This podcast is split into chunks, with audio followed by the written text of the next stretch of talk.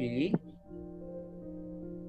Ya, eh, teman-teman, agak beda ya konsepnya. Eh, mungkin ada yang lihat ini di YouTube kita saat ini, yang live streaming. Sebelumnya mungkin eh, saya ucapkan Hotu Nama Budaya. Apa kabar teman-teman semua? Kita kembali lagi hadir di Podpet, Podcast Patria, yang khusus kali ini advance. Kenapa? Karena juga kita tayangkan dulu di YouTube uh, channel sebagai siaran langsung. Kita usahakan uh, teman-teman yang mendengar sesi ini itu tidak perlu repot-repot memvisualisasi atau membayangkan karena memang masih harus uh, menyesuaikan ya antara versi video dan versi audio. Kalau teman-teman penasaran seperti apa videonya, mudah-mudahan pada saat podcast episode ini sudah dirilis, videonya masih ada di halaman uh, DPP Patria. Kali ini kita um, mencoba untuk ngobrolin sesuatu yang uh, sedang hangat-hangatnya sekarang dan dari dulu juga masih tetap hangat ya. Gak apa-apa, gak apa-apa. Jadi uh, teman-teman kalau ada yang lihat di sini uh, kita lagi rame-rame. Ada saya, Dragono Halim, juga ada ada Ko Steven dan juga ada Ko Lauren. Boleh diceritakan tadi Ko Steven kenapa kok belum muncul? Belum muncul di mana? Mau mau cek di YouTube-nya. Oke. Okay, Sudah muncul atau enggak? Oke. Okay. Jadi kita ingin bahas hari ini adalah perbedaan. Perbedaan yang seperti apa? banyak banget sih perbedaan yang sekarang sedang mengemuka. Bukan hanya perbedaan sudut pandang bukan hanya perbedaan agama bahkan perbedaan mazhab juga menjadi sesuatu yang krusial saat ini. Teman-teman mungkin sudah ada yang pernah tahu sedang ada kasus uh, sidang penistaan agama khususnya agama Buddha yang dilakukan dilaporkan dan terlaporkan oleh uh, sesama Buddhis gitu ya. Nah kali ini kita pingin men, uh, apa ya membahas salah satu aspeknya aja mengenai gimana sih sebaiknya kita sebagai seorang Buddhis apalagi sebagai seorang Theravada melihat perbedaan. Sebelum kita lanjut, mungkin uh, mau cross check lagi. Ko Steven bagaimana? Udah keluar? Iya, kayaknya belum keluar. Oke, okay, oke. Okay. Oke. Okay. Jadi uh, mengenai perbedaan nih, mungkin teman-teman sudah ada yang tahu bahwa agama Buddha itu memiliki tiga mazhab sebenarnya aslinya ada dua, kemudian berkembang menjadi tiga, yaitu uh, Theravada, Mahayana, dan Tantrayana. Dan kita sebagai umat Buddha yang Theravada itu sering kali diklaim atau sering kali disebut sebagai uh, aliran atau ajaran yang paling mendekati asli. Hmm, dalam hal ini saya nggak bisa bicara terlalu banyak selain pandangan saya pribadi karena apa? Karena saya bukan ahli sejarah dan pengetahuan saya tentang sejarah agama Buddha juga cenderung terbatas ya. Tapi kalau misalnya dilihat sebenarnya gimana sih kita harus memandang perbedaan ini? Gimana sih sebaiknya kita melihat perbedaan ini gitu? Menurut Koloren gimana? Oke, okay, tes. Ya kalau dari saya pribadi sebetulnya perbedaan pendapat itu kan ataupun seperti yang tadi Dragon sampaikan bahwa perbedaan itu sebuah keniscayaan lah terjadi di mana pun eh, tidak hanya di dalam Buddhism tapi di dalam keyakinan lain juga ada perbedaan-perbedaan mulai dari perbedaan tafsir ya terutama yang melandasi ada perbedaan sudut pandang dari setiap orang terhadap terhadap interpretasi ajaran atau mungkin cara menjalankan ajaran itu juga terjadi. Hmm, karena hal itu maka eh, terlepas dari kita bicara yang asli ataupun tambahan misalkan belakangan uh, hal yang paling penting itu kan kalau di dalam Buddhism yang sejauh yang saya tahu adalah bagaimana uh, Sang Buddha sendiri itu mengajarkan ajaran itu untuk membebaskan orang itu dari kotoran batin. Nah, katakanlah kita memegang asli pun, tapi kalau kita nggak pernah praktek, kita sendiri nggak pernah menjalankan ajaran yang beliau ajarkan dan tidak segera membebaskan diri dari kotoran batin, ya sama aja bohong. Makanya dari itu, kalau saya pribadi sih lebih baik melihat ke dalam ya, lihat ke kita sendiri apakah kita sudah katakanlah menjalankan apa yang sudah kita yakini secara baik, seberapa banyak kotoran batin kita berkurang, baik keserakahan, kebencian atau kebodohan batin itu berkurang, udah selesai masalah orang lain kayak gimana menurut saya itu hak pribadi orang sih, hak pribadinya dia mau kayak gimana pun itu ya terserah dia, nggak bisa kita uh, apa paksa-paksa sekali gitu ya. Saya rasa itu sih. Oke. Okay. Tapi uh, menurut aku pandangan moderat atau sudut pandang yang luwes ya menghadapi perubahan atau perbedaan ini uh, bagaimana sih cara menumbuhkannya?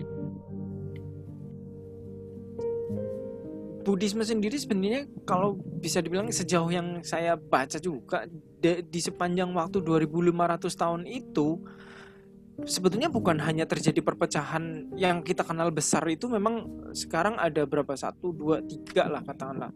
Uh, tiga aliran besar. Itu pun sebetulnya terbaginya itu asal mulanya terbagi dua. Yang dua ini pun terpecah-pecah-pecah lagi. Sebenarnya apa yang kita sebut sebagai Mahayana pun itu punya aliran-aliran yang berbeda.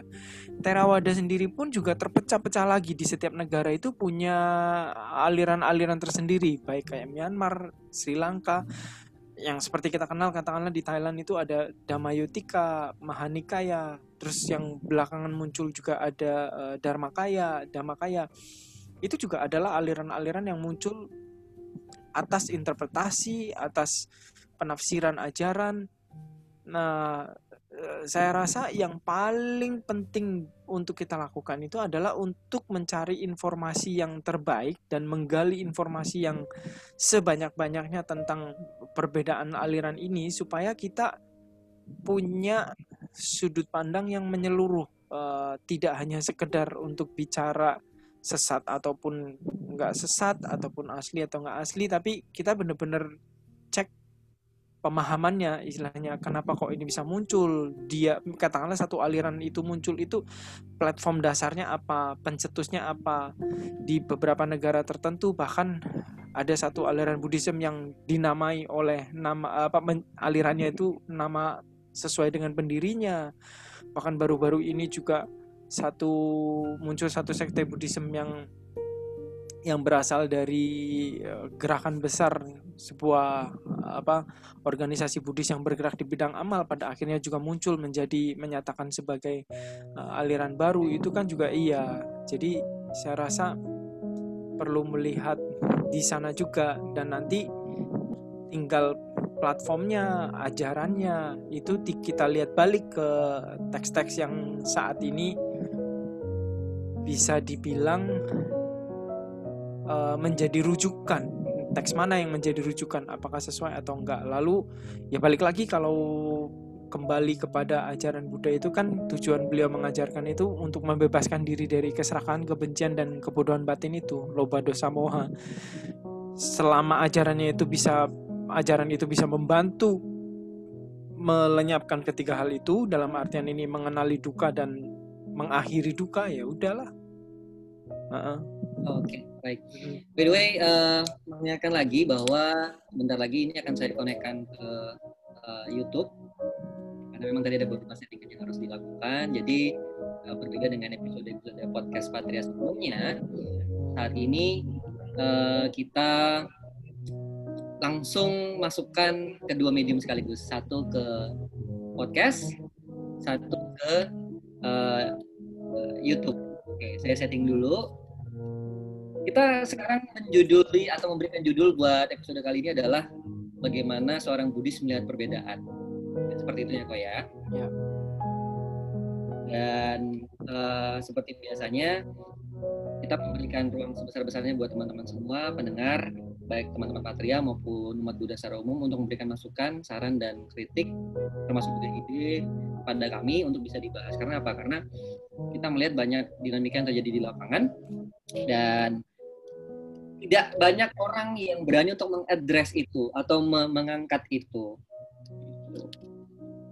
bagaimana budisme Ya, kadang memang mungkin itu sih ya Gon maksudnya Ya. eh, orang malas untuk bicara tentang aliran ini karena jebakannya itu adalah pada sesat nggak sesat murni atau nggak murni ya bahkan di dalam internal katakanlah internal yang satu aliran pun eh, belakangan ini juga muncul beberapa gerakan dari teman-teman yang lain misalkan baik eh, apa menyatakan eh, contoh di internal Theravada apakah abhidhamma itu murni eh, masuk di dalam ajaran Buddha atau tidak itu kan juga satu hal yang memang memang muncul eh, ke permukaan untuk mempertanyakan dengan segala macam argumentasi dan eh, segala macam dalih. Lalu juga eh, ada lagi yang gerakan yang disebut sebagai early Buddhism. Jadi mengacu kembali kepada Buddhisme awal dengan harapan itu bahwa eh, dengan mencari seoriginal mungkin teks-teks Buddhis yang yang dikategorikan asli eh, dikumpulkan kembali itu akan membantu untuk merekonstruksi ulang ajaran-ajaran ataupun membantu mengatasi perbedaan-perbedaan. Tapi itu pun tetap nggak nggak nggak semudah itu saya rasa ya. Karena bahkan seperti yang kita tahu di konsili pertama pun itu sudah terjadi. Bahkan di antara mereka yang dengar langsung uh, dari Buddha bahkan di zaman sang Buddha sendiri pun terjadi perpecahan ada yang menekan menekankan pada winaya ada yang menekankan kepada suta itu pun terjadi dan itu bahkan sampai didamaikan oleh Buddha sendiri pun itu tidak bisa sampai sang Buddha sendiri juga. Mau akhirnya menyingkir ke hutan akhirnya di situ tuh umat-umat justru akhirnya ambil action meminta para biku itu untuk segera rujuk kembali dengan cara dalam tanda kutip sedikit dipaksa umat itu tidak mau lagi berdana kepada para biku. Uh, sebelum mereka itu rujuk untuk apa uh, balik ke menem apa istilahnya menemui Buddha dan juga untuk bersatu kembali. Dan aliran ini pun yang istilahnya yang mendasarkan kepada teks-teks suta pun muncul setelah itu yang kita sebut aja ada, ada satu aliran namanya Sautantrika. Jadi mereka hanya mengandalkan suta saja. Lebih senang dengan suta lah kurang lebih seperti itu. Oke. Okay. By the way, uh, itu bunyinya masuk sih kok. Hah? Bunyi pen. oh, sorry, sorry. Oke, ini aku live nih sekarang. Jadi uh, seperti itu tadi. Uh, sekarang lagi uh, preparing to live stream the meeting. Oke, sudah muncul notifikasinya ya. Nah, pembicaraan ini sebenarnya harusnya tidak hanya terjadi antara kita berdua. Pembicaraan mengenai perbedaan ini mestinya tidak hanya disampaikan antara Gono Halim dan seorang Lawrence itu saja. Nah, tidak menutup kemungkinan ke depannya kita akan uh, mengundang mungkin narasumber yang lebih kompeten untuk menjelaskan perbedaan ini tanpa perlu harus uh, lagi ulang lagi begitu. Nah, kita sekarang kita sekarang uh, sudah melihat bahwa ada beberapa pendekatan, ada beberapa metode yang bisa digunakan untuk untuk membentengi diri kita dari kekakuan uh, pandangan gitu ya. Nah, tadi kan Ko Lauren juga sudah mencontohkan bahwa ada beberapa hal yang bisa diambil, ada beberapa hal yang bisa dijadikan patokan uh, teks yang digunakan, kemudian penjelasan dan komentar yang digunakan. Dan yang paling penting mungkin ini ya uh, akal sehat.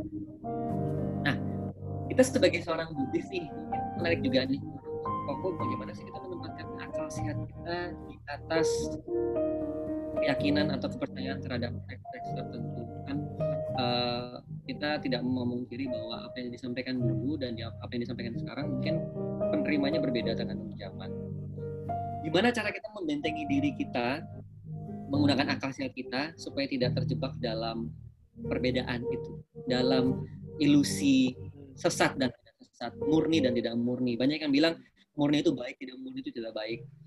Banyak yang bilang murni itu uh, benar tidak murni itu sesat. Apakah memang segampang itu kita me mengkondisikan atau menyebut sebuah perbedaan itu sebagai sebuah kesesatan? Ya saya pernah berbicara juga dengan beberapa teman yang uh, juga mempunyai pandangan lain bahwa uh, sangat penting untuk memiliki apa untuk berpegang pada teks-teks asli. Hmm, saya waktu itu mengambil contoh bahwa bahkan di zaman Sang Buddha sendiri pun dalam tanda kutip itu syarat dan ketentuan itu berlaku. Ada berapa banyak umat Buddha kala itu yang hidup di zaman Sang Buddha hidup langsung mendengar dhamma dari Sang Buddha tapi nggak mencapai kesucian.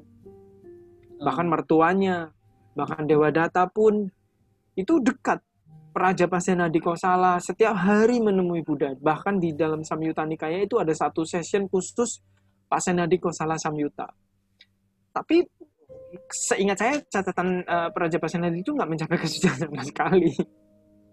Jadi hmm. kalau bicara otentik dan tidak otentik itu uh, memang istilahnya keotentikan itu akan membantu satu sisi, tapi tidak bukan satu faktor mutlak bagi seseorang karena sekali lagi tergantung lagi bagaimana orang itu mempraktekkan ajaran itu sendiri.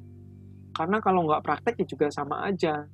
Nah, mengenai logika apa yang kita perlu pakai, logika apa yang kita perlu ini. Kalau saya bilang semakin banyak pengetahuan ataupun uh, referensi dan selama kita juga bersikap terbuka ya, tidak perlu juga marah atau jengkel ketika mendengar ada pandangan yang berbeda ataupun berseberangan dengan kita tentang uh, sebuah ajaran, tentang interpretasi ajaran, ya itu oke okay aja karena memang hal itu itu sudah terjadi dari zaman kapan pun, dari sejak awal.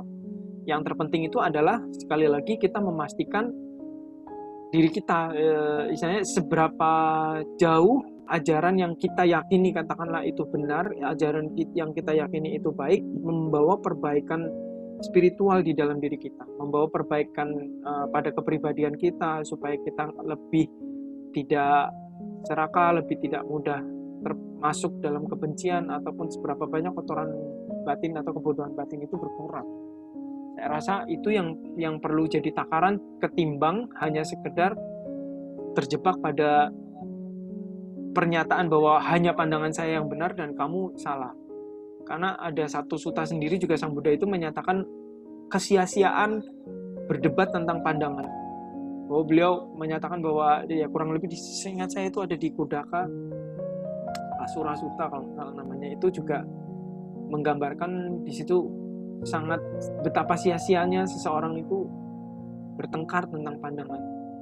Jadi ya saya rasa kita perlu punya limit juga ya dalam hal uh, apa mencari ataupun memegang teguh pandangan itu. Yang terutama itu adalah seberapa banyak kita juga praktek lah. Membawa apa seberapa jauh ajaran yang kita yakini benar itu benar-benar bisa membawa kita kita buktikan bahwa itu tuh bisa membawa kita itu lebih baik berkurang loba dosa moha itu berkurang. Oke. Tadi saya menggarisbawahi uh, istilah menjaga, memegang teguh. Nah itu kan aspeknya kepada diri kita sendiri sebagai hmm. uh, sebagai seorang individu. Terus bagaimana kita melihat orang-orang yang ada di sekitar kita dan kita melihat bahwa mereka berpandangan yang tidak sama dengan kita. Apakah memegang teguh dan menjaga tadi juga termasuk untuk menyadarkan mereka oh mereka salah apakah kita sebatas hanya perlu memberitahu aja atau justru kalau bisa mengubah pandangan mereka supaya seperti kayak kita ya ini tricky juga nah ini pertanyaan ini harusnya yang jawab bukan cuma kita berdua ya kok ya karena ini pertanyaannya kalau ditanyakan kepada pemimpin agama ya pasti akan berbeda dengan ditanyakan kepada orang biasa, ditanyakan kepada orang tua. Iya, karena uh, uh, karena nanti pada kaitannya itu akhirnya nggak usah bicara uh, ya kalau saya ambil analogi yang yang besarnya katakanlah kalau terhadap yang berbeda keyakinan, eh, maksudnya terhadap sama-sama Buddhis tapi beda sekte katakanlah. Bagaimana dengan keyakinan lain, misalkan uh, umat lain? Udah jelas itu kitabnya pun beda. Berarti udah jelas lebih beda lagi. Lebih lebih berbeda jauh. Prinsip uh, dogmanya uh, itu benar-benar berbeda jauh. Apakah ya kita harus menerjang membuat mereka itu semua untuk menjadi Budi saya rasa enggak. Dan bahkan Sang Buddha sendiri pun dari sejak awal itu beliau tidak ter tertarik untuk mencari pengikut ya bahwa beliau bahkan sendiri juga bilang uh, saya nggak ada niatan untuk mengubah keyakinan kalian mem membuat kalian itu pindah guru dengan dengan menjadikan saya sebagai guru. Tapi beliau itu semata-mata benar-benar mengajarkan dhamma itu bahwa uh, makanya saya lebih apa saya senang dengan istilah yang digunakan oleh mungkin tokoh-tokoh Buddhis di awal. Kita mungkin sering dengar membabarkan dhamma babar. Babar itu karena kebetulan saya juga orang Jawa babar itu kan kayak nah dibabar dilebarin dikasih lihat. Jadi nah, ya go ahead gitu loh. Lu suka ya lu lihat lu lu seneng ya ambil katakanlah. Kalau nggak mau ya udah nothing tulus gitu kan. Uh, terserah. Setiap orang kan punya minat punya uh, apa pemikiran itu sendiri-sendiri. Jadi jangan sampai juga terjebak seolah-olah ketika berbeda pandangan terus merasa kita yang paling benar akhirnya menuding orang lain sesat terus menuding orang lain itu eh, nggak uh, benar dengan dalih bahwa untuk uh, menyelamatkan ya satu sisi terlalu gimana ya karena kita nggak bisa bikin semua orang itu untuk untuk pindah bahkan Buddha sendiri pun juga nggak bisa membuat mertuanya dalam hal ini Raja Supa Buddha itu untuk menjadi Buddhis kan bisa dibilang apakah sang Buddha itu gagal di situ enggak juga saya bilang karena memang nggak mau udah penuh terlalu jengkel mungkin Raja Stupa Buddha. Oke. Ya, mungkin buat teman-teman yang sekarang lagi nonton di YouTube, yang sedang lihat secara live, kita sudah ada kedatangan uh, orang ketiga, ya. Jadi untuk teman-teman yang dengar ini di podcast, teman-teman mendengar suaranya aja. Tapi untuk teman-teman yang ada di YouTube dan mungkin rekamannya masih ada juga sudah lihat bahwa sekarang sudah bergabung dengan kita uh, ada Monik nih. Oke, jadi uh, ini live loh Monik. Ya, dan videonya bakal ada terus. Oke, jadi uh, ke depannya kita akan mencoba konsep seperti ini. Jadi pada saat kita bikin rekaman uh, podcast Patria, kita bisa live juga di YouTube jadi teman-teman yang ingin lihat videonya juga masih ada, walaupun kita tampil ala kadarnya seperti ini. Dan kalau teman-teman yang lebih suka lihat dan mendengar secara audio juga bisa dinikmati di channel kita di uh, anchor.fm uh, slash atau bisa dilihat juga di bisa didengar juga di Spotify atau uh, Apple Podcast. Oke. Okay. Nanti untuk perbedaan aliran ini saya rasa kita bisa undang orang yang benar-benar punya referensi tentang historical Buddhism yang luas lah. Nanti kita akan kasih tahu ke teman-teman. Oke, sebenarnya ini garis garis besarnya itu adalah di di bagaimana kita menyikapinya sendiri ya. Wow, ternyata Mari menggunakan jaket patria, sementara kita berdua tidak ada yang menggunakan uh, jaket atau atribut patria. Oke, tidak apa-apa, apa-apa. Itu tandanya uh, apa cinta terhadap organisasi. Oke. Okay. Jadi begini, uh, tadi kalau tadi saya uh, mendengar uh, ada hubungan antara uh, kemampuan kita untuk melihat segala sesuatu secara moderate, secara termoderasi. Tapi posisinya di mana ya? Kalau kita kita punya kebanggaan terhadap Buddhisme apalagi Theravada, ini tempatnya di mana kok? Karena kalau kebanggaannya itu ketinggian, aku bangga banget nih karena aku sekarang berada dalam lingkaran Terawada nih. Gimana jangan gimana caranya supaya jangan kita sampai terjebak jangan sampai dimakan oleh rasa bangga itu sendiri. Kan kita diajarkan untuk untuk mengendalikan diri, untuk tidak uh, memberi makan ego dan kalau tadi kita melekat dengan benar dan salah dan kita menganggap bahwa yang berbeda dengan kita salah, itu kan otomatis juga membesarkan rasa benci ya, hmm. dosa ya. Nah, ini cari jalan, cari jalan tengahnya itu gimana loh? Soalnya agak suka banget dalam konsep uh, Buddhisme sebagai sebuah organisasi, sebuah lembaga religius dan sebagai sebuah pelaku hidup kan berbeda ya. Ini kalau kita ngomong soal sejarah, pasti kita bisa bertanya kepada narasumber-narasumber yang paham soal sejarah. Tapi kalau kita berbicara mengenai pandangan dan sikap batin, pasti juga bertanya kepada orang yang berbeda kan. Nah, kira-kira gimana nih, Ya, kalau saya sih kebanggaan itu sekali lagi jangan sampai hanya cuman aspek emosional yang tidak menggerakkan sesuatu apa pun dalam hal ini.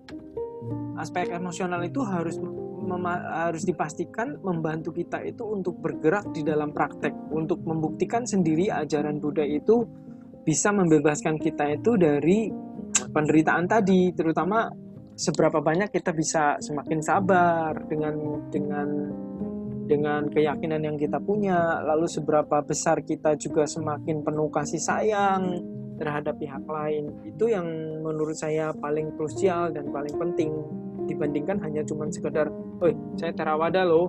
Uh, uh, terjebak di dalam kebanggaan-kebanggaan yang menurut saya itu semu.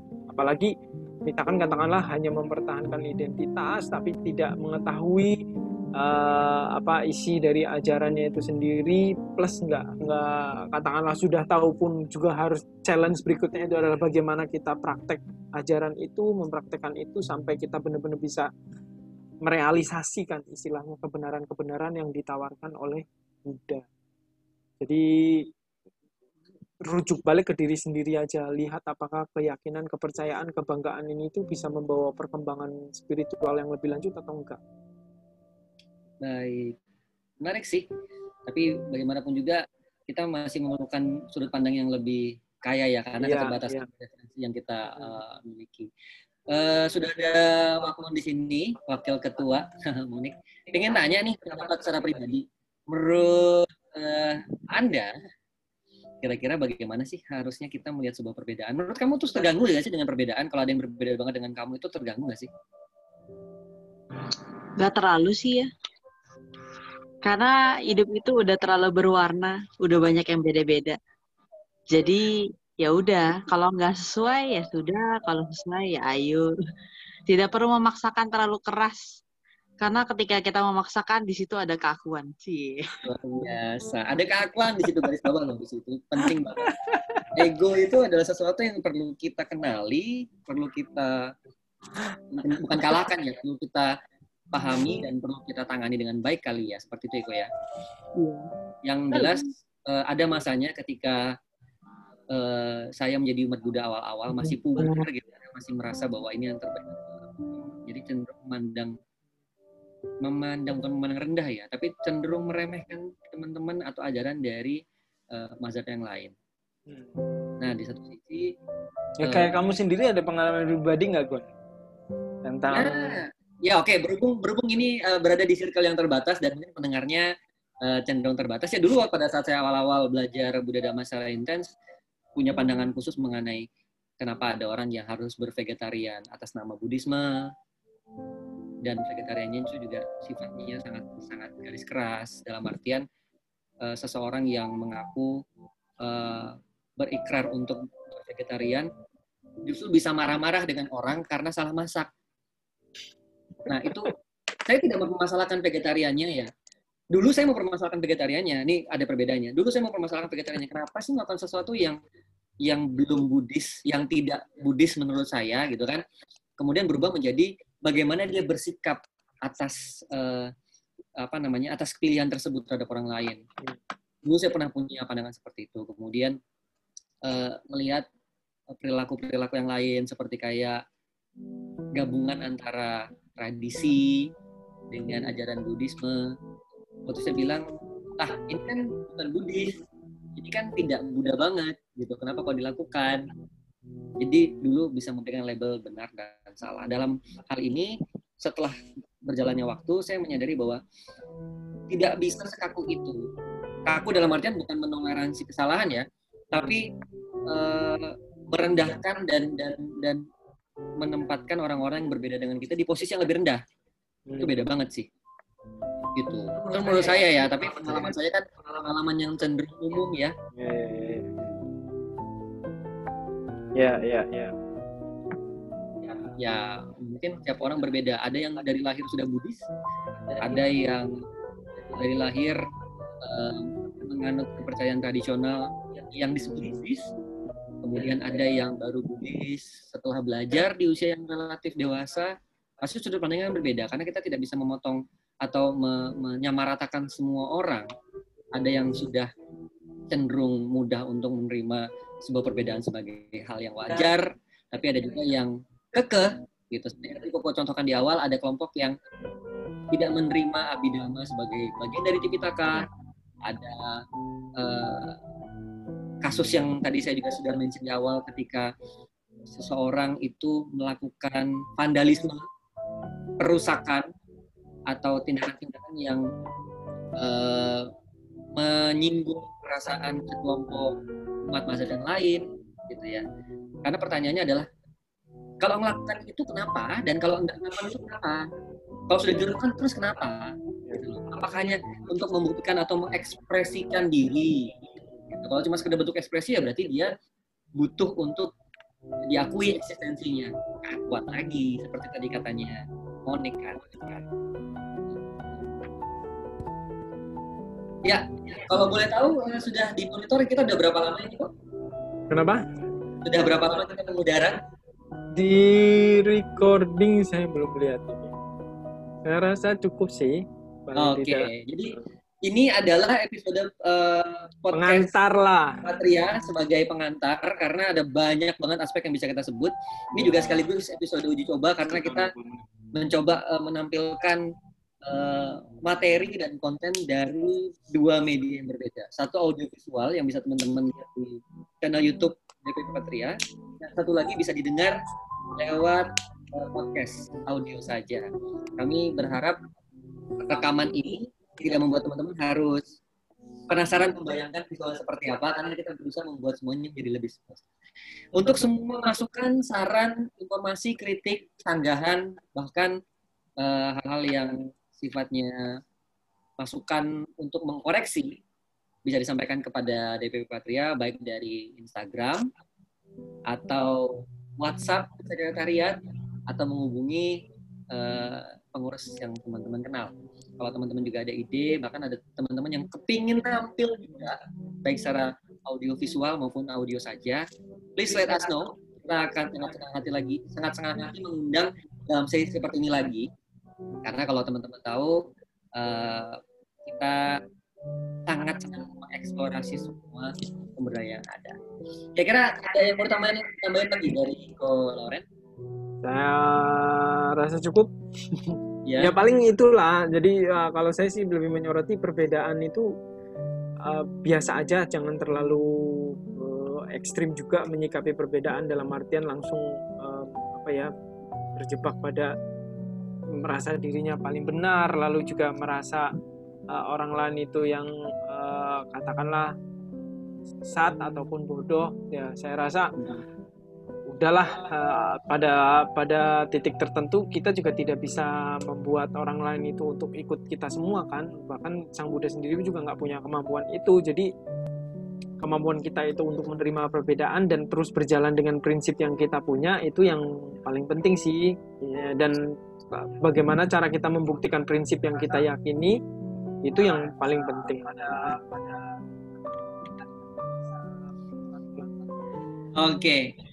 Mungkin juga ada tambahan penutup dari Moni?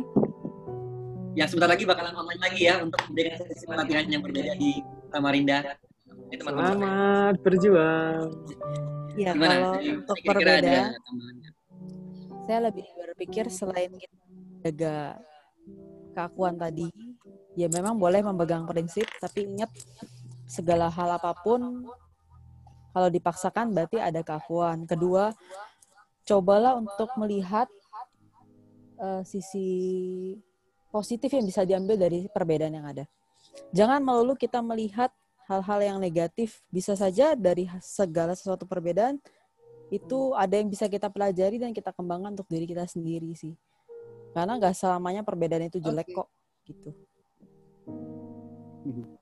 Oh iya, okay. satu lagi yang yang juga menurut saya penting juga itu juga jangan kebablasan yang meleburkan semua aliran lalu menganggap bahwa uh, oke okay lah uh, semuanya benar kayak gitu lalu hmm. tidak perlu mengambil identitas ataupun tidak perlu misalkan kayak uh, katakanlah tadi kan kita juga sudah bicara bahwa kita semua itu terawada uh, nggak perlu ada terawada terawadaan sebetulnya enggak juga karena uh, pada akhirnya setiap keyakinan itu ataupun setiap sekte ataupun mazhab itu juga memang punya pilihan sendiri-sendiri. Jadi ketika kita mempunyai identitas, memilih identitas, bukan berarti kita tidak mengakui keberagaman.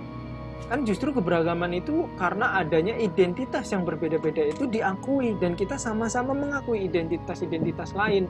Bukan berarti terus langsung harus dileburin jadi satu kayak orang nggak punya identitas dan ataupun juga menggunakan identitas dari uh, kelompok lain kita sembarang pakai karena sekali lagi kita perlu tahu juga loh uh, uh, apa istilahnya yang dilakukan ataupun tradisi ataupun tata cara dari keyakinan lain itu juga pasti punya reasoning sendiri alasan-alasan ataupun juga apa ya uh, sejarah tertentu di belakangnya itu yang mungkin kita juga sendiri perlu cermati jadi jangan sampai kita yang terawada terus nanti uh, asal ngikut asal membeo mengikuti dari mazhab lain saya rasa itu juga bukan tindakan yang uh, sepenuhnya tepat satu pertanyaan hipotesis. Menurut Koko, konflik atau masalah atau perseteruan terhadap pasti akan selalu terjadi atau ada kalanya bisa berhenti. Gimana gimana gimana? Promosinya kenyaringan ya. Hah?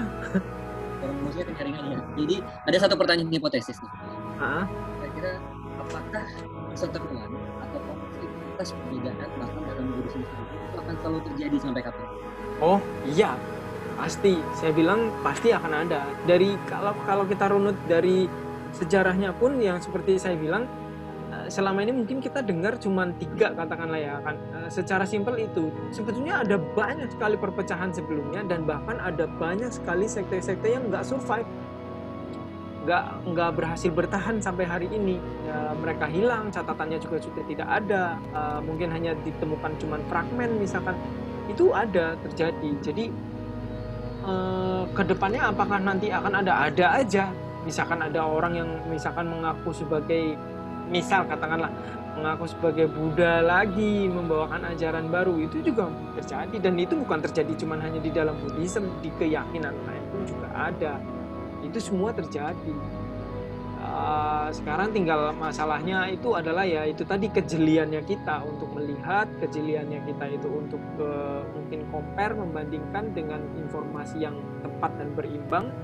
Dari situ tuh kita mulai bisa tentukan kan oke okay, saya ambil di mana dan uh, teguh berpegang sama itu untuk terus sembari mempraktekkan dan membuktikan sendiri bahwa prinsip yang kita pegang dan yakini itu benar-benar bisa membawa berkurangnya keserakahan, kebencian dan kebodohan batin. Di manakah fungsi patria untuk menjaga? Michael sudah di penghujung. halo, halo. Eh saja. Menjaga ya, saya bilang dari itu sudah tertuang di ADRT kita dari awal dan kita ini bisa dibilang organisasi yang dibentuk uh, dari yang berafiliasi kepada Sangga Terawada Indonesia. Di sana juga sudah jelas bahwa kita itu bersumber dan mengacu kepada kitab suci Tipitaka Pali. Jadi saya rasa udah jelas lah peranan kita itu untuk menjaga tentang apa ajaran Terawada yang kita yakini. Namun bukan berarti tidak fleksibel terhadap keyakinan lain. Bukan berarti kita tidak toleran terhadap keyakinan lain. Kita juga tetap banyak kok bekerja sama dengan teman-teman uh, dari uh, sekte lain bahkan Michael juga saya rasa sering juga datang diundang di tempat uh, wihara-wihara yang bukan terawada. It's okay, saya juga pernah beberapa kali diundang dan kita juga tidak menyinggung-nyinggung mengenai perbedaannya kan. Jadi justru kita sama-sama uh, pokoknya menguraikan ulang apa yang Sang Buddha ajarkan tentang tentang yang beliau ajarkan itu aja bukan fokus sama perbedaannya oke oke ini mumpung Ko Michael baru masuk jadi kita pengen ceritain dulu saya uh, pengen tahu tadi Ko Michael sebelumnya ada monitor di YouTube atau baru masuk sama sekali nih dapat lihat di YouTube sedikit yang Monik oh, dada dada. Baik baik. Baik. oh, baik baik. Jadi kita sedang uji coba tadi bagaimana caranya supaya bisa mengkonversikan atau menggabungkan medium YouTube dengan podcast. Dan ini adalah episode uji coba dan uh, video rekaman YouTube ini akan terus ada di DPP kecuali kalau uh, ketua minta diturunkan. Mungkin itu baru akan kita pertimbangkan karena dengan pertimbangan kurang rapi atau bagaimana. Tapi yang jelas ini menjadi episode pembuka ya karena kita um, bicara mengenai perbedaan dan, dan sudut pandang bagaimana kita sebagai umat Buddha yang ada dalam patria ini bisa berperan dalam uh, menjaga kedamaian di antara perbedaan itu tadi gitu ya. Mungkin mumpung Ko Michael udah masuk walaupun kita udah di ujung sesi, ada nggak menurut Ko Michael tanggapan bagaimana kita seharusnya bersikap dengan perbedaan? Apalagi Ko Michael tadi seperti diceritakan oleh Ko Lauren berinteraksi dan banyak bermitra dengan teman-teman dari mazhab yang lain. Nah, ada nggak Pak untuk menambah referensi kita di, di sesi kali ini? Ya mungkin uh, kalau saya kan juga ada ini ya sedikit diskus sama teman-teman juga disering diskusi yang lintas sekte. Tapi saya rasa kalau sekarang concernnya di anak muda ini tidak menjadi isu ya. Jadi uh, sektarian itu kalau zaman sekarang mungkin tidak uh, seperti masa-masa dulu di mana masih uh, sangat keras bahkan lebih keras daripada lintas uh, agama. Karena saya ikut di beberapa organisasi lintas agama itu justru kita bisa lebih dapat izin biasanya dibanding kalau ke lintas sekte. Biasa dulu begitu. Tapi kalau zaman sekarang uh, sudah eranya kolaborasi saya juga uh, beberapa kali diundang teman-teman yang non terawada ya nggak apa-apa uh, bahkan ke yang non Buddhis pun juga mereka bisa terima. Cuman uh, yang penting tadi mungkin saya sudah Loren sampaikan dengan referensi-referensi sutanya ya kita patutlah untuk uh, satu yang pasti menghargai. Ya kalau salah satu guru saya mengatakan uh, ada satu anak muda dulu bertanya sama beliau beliau ditanya ada di satu ajaran dengan uh, cara satu kegiatan ritual tertentu semua keburukannya terhapus. Di satu ajaran yang lain perbuatan yang sudah dilakukan bagaimanapun itu sudah uh, tidak bisa dihapus. Jadi harus diterima akibatnya. Nah, anak muda ini bertanya kepada salah satu uh, guru saya, yang benar yang mana? Nah, lalu guru saya berkata, uh, dia tidak sebut uh, dari aliran atau budaya mana gitu. Ya, dia, dia tidak sebut. Nah, guru saya mengatakan, kalau kita tidak tahu uh, atau kita baru mendengar hal tersebut, baru kita tahu yang pertama perlu kita lakukan adalah terhadap ajaran tersebut hormati.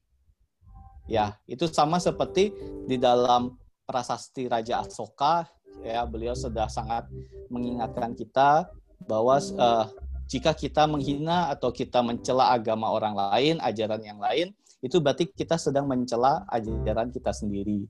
Jika kita menghargai, menghormati ajaran yang lain, itu kita berarti sedang mengagungkan ajaran kita sendiri. Kenapa?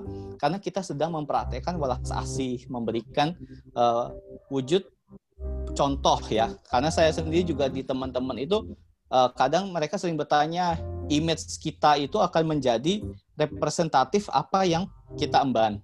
Kayak salah satu teman saya ada yang Buddhis itu beliau perilaku ya baik. Uh, dia tanya ke saya, ke kalau Buddhis itu pasti orangnya santun ya, pasti orangnya ramah. Loh, Kenapa berpikir begitu? Iya karena teman-teman Buddhis saya yang yang saya kenal orangnya baik-baik, suka ngebantu, ringan uh, ringan tangan gitu. Ya itu berarti kita menunjukkan bahwa kita bisa mengagungkan, kita memuliakan ajaran kita. Itu mungkin salah satunya adalah dari Raja Asoka. Bahkan kepada uh, Sang Buddha sendiri juga kepada pemuda Upali yang waktu itu ingin pindah ajaran juga Sang Buddha menganjurkan walaupun sudah menjadi pengikut Sang Buddha, tapi uh, Sang Buddha tetap menganjurkan untuk pemuda Upali menghormati bahkan menyokong gurunya yang lama walaupun tidak cocok dengan ajarannya, tapi tetap tidak boleh menghentikan dukungan atau sokongan tersebut. Jadi sungguh mulia sekali apa yang diajarkan oleh uh, guru agung kita dan kita sebagai siswanya ya patutnya menirulah gitu. Baik. Mungkin gitu ya mungkin tapi mem memang level level pelaksanaan setiap orang berbeda-beda kali ya. Jadi mungkin ada yang ya. sangat sekali tapi ada yang masih kaku masih ada yang perlu penjelasan lebih lanjut. Ya uh, seperti itu. Tadi dicontohkan Asoka dan Lali itu sudah lumayan apa ya sudah memberikan gambaran yang bahwa uh, perbedaan itu harusnya tidak di, dengan kemarahan dan kebencian ya mestinya ya. Memang harus di, di, disikapi dengan rasa belas asih dan menurut menurut saya sih uh, kemanusiaan sih karena itu yeah, humanity above all mm-hmm. oke okay. durasinya udah cukup uh, Thank you Thank banget. you banget closingnya Michael yang sempat juga masuk. Monik Ya, ya, ya. masuk dan harus pergi duluan karena akan memberikan training di Kalimantan Timur dan ke depannya kita berharap ada respon, ada masukan, saran mungkin dari teman-teman. Ah suaranya kurang jelas nih atau eh, oh di tempat saya nge-lag dan segala macam. Jadi kita bisa Orangnya jangan itu itu lagi, Dragon lagi. Iya makanya harusnya ganti-ganti emang gitu ya. Background yang koloran bikin lapar tuh. Mungkin seperti itu dulu untuk edisi podcast Patria hari ini. Dan sekali lagi teman-teman bisa melihat rekaman videonya di channel YouTube DPP Patria. Dan untuk sesi perbedaan ini tidak berhenti sampai di sini. Kita masih akan eh, melanjutkan dengan narasumber yang lebih kompeten ketimbang saya atau ketimbang teman-teman yang ada di sini tapi yang ahli sejarah beneran misalnya seperti itu. Terima kasih atas perhatiannya dan sampai jumpa lagi di eh, episode dan sesi-sesi berikutnya. Thank you. Oke. Bye. Ini langsung live atau di off aja? Sebentar.